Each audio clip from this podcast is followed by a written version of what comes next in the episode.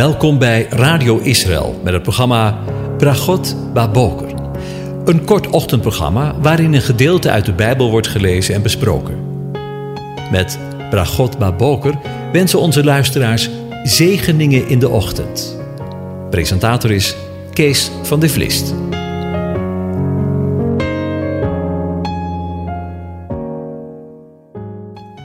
Hartelijk welkom, beste luisteraars. We onderbreken de serie over Psalm 105 eventjes in verband met het komende Pinksterfeest of Shavuot. Vandaag de eerste aflevering en dan morgen de tweede aflevering. Shavuot gaat in de synagoge gepaard met veel gebeden, het lezen van het Bijbelboek Rut en het eten van veel melkproducten.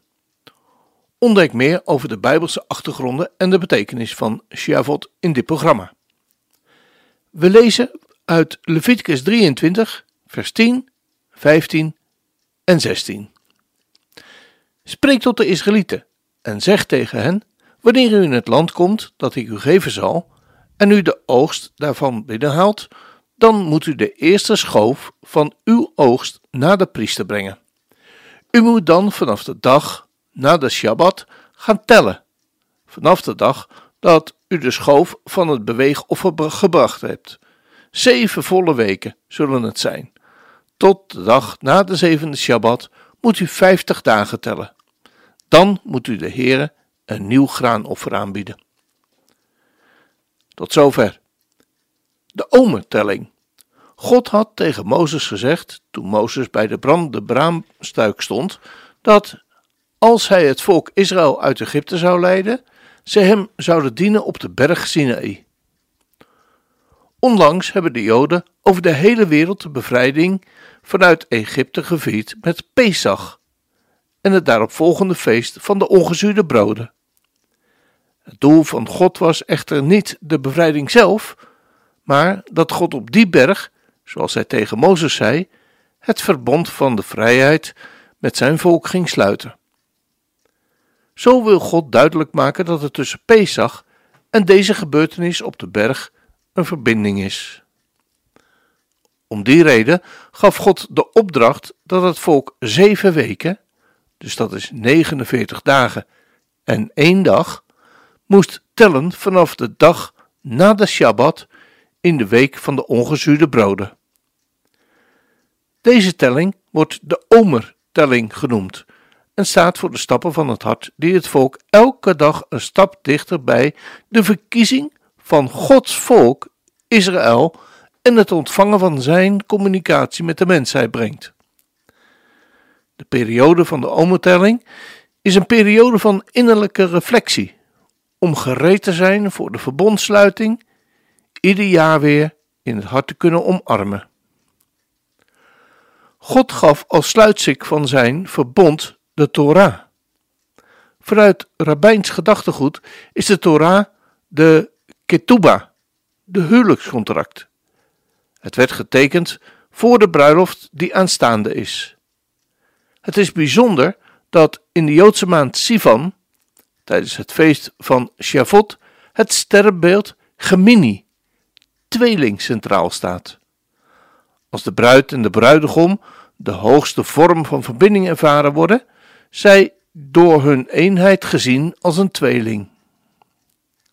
In Hooglied wordt de bruid Israëls Tamti genoemd, waarin de rabbijnen Taumti tweeling lezen. Pinksteren. Het volk moest zich op de dag van de maand Sivan verzamelen rondom de berg Sinai, waarop God zei dat hij op de derde dag tekenen zal laten zien als hij op de berg komen zal. Zoals we lezen in, in Exodus 19, vers 11. De Joodse traditie zegt dat de Torah zelf werd gegeven op de zesde dag van de maand Sivan. Deze dag was de vijftigste dag van de omertelling en kwam tot een hoogtepunt op het feest van Shavuot. Shavuot betekent weken in het Hebreeuws. Naam die uh, jou misschien beter voorkomt is Pentecoste, wat betekent 50 de vijftigtelling, waar het woord Pinksteren vandaan komt. Tijdens Shavuot werd er een graanoffer in de tempel gebracht en werd God gedankt voor de vruchten van het land. Vandaag de dag is er geen tempel meer, waardoor Shavuot in de synagoge gepaard gaat met gebeden, het lezen van het Bijbelboek Rut en het eten van veel, veel melkproducten.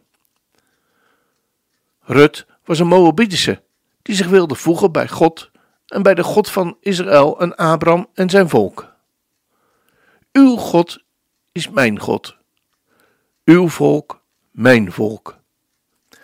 De zoon van Rut en Boas heette Obed en wordt in het Hebreeuws Mashif Nefesh, herstellen van de ziel genoemd, wat een type is van de Messias, in wie de opstanding van de doden plaats zal vinden. Daarnaast worden er veel melkproducten gegeten, wat staat voor de onvoorwaardelijke, voedende liefde van de moeder voor haar kind. Want toen het volk Israël de Torah ontving, was het als een pasgeboren baby. Het geven van de Torah was een daad van liefde van God, zoals een moeder haar baby voedt. Ondanks de verbindenis tussen het ontvangen van de Torah, de vernieuwing van het verbond van Abraham met het volk Israël en Shavuot, heeft het feest vanuit de Torah gezien voornamelijk een agrarisch aspect. Zo lezen we in Leviticus 23 dat de kinderen van Israël op die dag een graanoffer moesten brengen voor God en zien we dit ook terug in het boek Rut. De nieuwe vruchten van het land en daarin de voorzienigheid van God worden geprezen. Het is een feest van vernieuwing, van het hart, een feest waarin de vruchten van de vrijheid worden gegeten. Graan wordt elke Shabbat omgezet in de twee broden, die staan voor de twee stenen tafelen. Zoals een boom veel vrucht dient te dragen, zo wordt de Torah ook de boom des levens genoemd. De weg naar de boom des levens is volgens de Joodse traditie de Messias.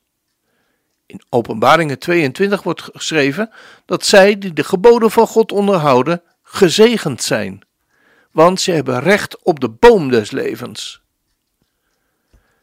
Messias, Jezus of Yeshua is de weg naar de bron van zegen van God, waarin zij die zich houden aan zijn geboden veel vrucht kunnen dragen. Hij is immers zelf de levende Torah, het levende woord, zoals we lezen in Johannes 1. Deze vruchten komen tot uiting op het moment dat gelovigen in Jezus, de Ruach HaKodesh, de Heilige Geest, hebben ontvangen en zich binden aan de boom des levens, de Torah. Zo zien wij ditzelfde gebeuren bij de gelovigen in Jeruzalem. Er staat in Handelingen 2 vers 1 beschreven dat de volgelingen van Jezus die ijverig voor de Torah waren, bij elkaar waren in de bovenzaal van Jeruzalem. De traditie was dat men zich die avond voor het feest in de bovenzaal van het tempelcomplex verzamelde om een leernacht met elkaar te houden. In deze leernacht concentreerde men zich op de door God aan Israël gegeven Torah, tot op, totdat het ochtend werd. En na een nacht van het bestuderen van de Torah brak de ochtend aan en ging men dansend en jubelend de straten op. Hetzelfde zien we gebeuren in het boek Handelingen. Want toen de volgelingen bijeen waren gekomen en het Shavuot of Pinksterfeest aanbrak, kwam de Ruach HaKodesh, de Heilige Geest, op hen en ze gingen naar buiten. En men was zo uitbundig dat de mensen die niet bij de leernacht aanwezig waren, dachten dat ze wijn gedronken hadden. Zo lezen we in vers 13. We zien dan ook dat dezelfde bovennatuurlijke manifestatie plaatsvond op de berg Sinaï bij het geven van de Torah. Zoals er op de Sinaï vuur, windvlagen, donderslagen en stemmen te zien en te horen waren, zo ook de tongen als vuur, windvlagen en mensen die in verschillende stemmen van talen spraken op de Pinksterdag. Ook lezen we dat er na het geven van de Torah twee jonge mannen waren, Eldut en Medad, die na deze gebeurtenis, zoals we lezen in Exodus 18, gingen profeteren. Shavot is het moment dat de geest de Torah ontmoette. De gelovigen in Yeshua hadden na de leernacht dus een Sinaï-ervaring, net als bij het ontvangen van de Torah. Geest en Torah zijn niet van elkaar te verkrijgen. Geen geest zonder Torah. Ze zijn een eenheid. Zo is het heelal geschapen door het woord, de Torah en geest, zoals we lezen in Psalm 33, vers 6 en 9. Op het moment dat Petrus hier getuige van was, moest hij denken aan de profeet Joël. We lezen daar: Daarna zal het geschieden dat ik mijn geest zal uitstorten op alle vlees. Petrus zag deze woorden voor zijn ogen in vervulling gaan, maar besefte tegelijkertijd dat de profetie voor die tijd tot uiting kwam en tot bloei zal komen in de toekomst. Immers is de geest niet op alle vlees uitgestort. Petrus moet hebben gedacht aan de woorden van Joël over de chauffeur die klinken zal en de leraar der gerechtigheid, de Messias zal aankondigen. Hij moet hebben geweten dat de shofar klinkt op Rosh Hashanah en Yom Kippur, periode van inkai, inkeer, teshuva in het Hebreeuws, bekering van de oude wegen. Petrus verwees bewust naar de profetie uit Joel 3, om duidelijk te maken dat op de vijftigste dag van de omertelling het koningschap van God hersteld werd. Toen in Jeruzalem, maar ook in de toekomst. Hij hoorde de shofar al in de oren en riep het volk op tot inkeer van hun oude wegen. Want we lezen, en Petrus zei tegen hen, bekeer je en laat ieder van je gedoopt worden in de naam van Jezus Messias. Tot vergeving van de zonde en u zult de gave van de Heilige Geest ontvangen. Zoals we lezen in Handelingen 2 vers 38. Petrus wist dat de geest op alle vlees en op geheel Israël uitgestort zal worden in de toekomst. De belofte is voor uw kinderen, zoals hij zei. Wij dienen ons van onze oude wegen te bekeren en te hechten aan Gods woord, om van de vruchten van de boom des levens te eten. Als de Messias terugkomt, bij het klinken van de shofar zal de vruchten van genade en reiniging op alle vlees zijn. Dan zal ieder God kennen. Als dat geen zegen is, dan gaan we nu luisteren naar een typisch Shavot-lied. Happy Shavot.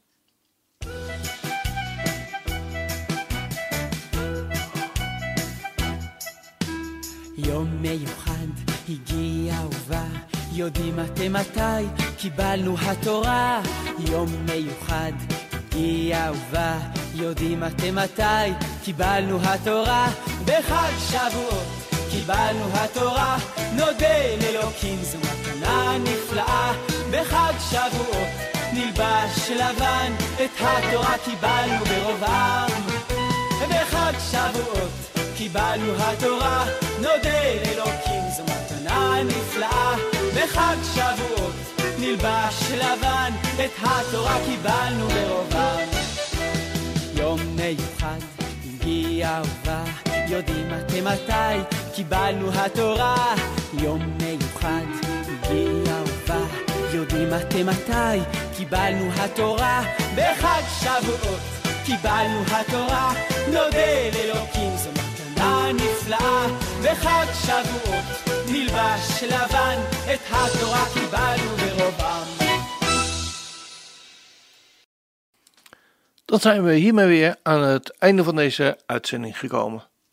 En wens ik u God zegen tijdens uh, deze Shavot-dagen. Deze feestdagen. De Heer zegene en behoede je. De Heer doet zijn aangezicht over je lichten en zij je genadig. De Heer verheft zijn aangezicht over je en geeft je zijn vrede. Zijn shalom. Amen.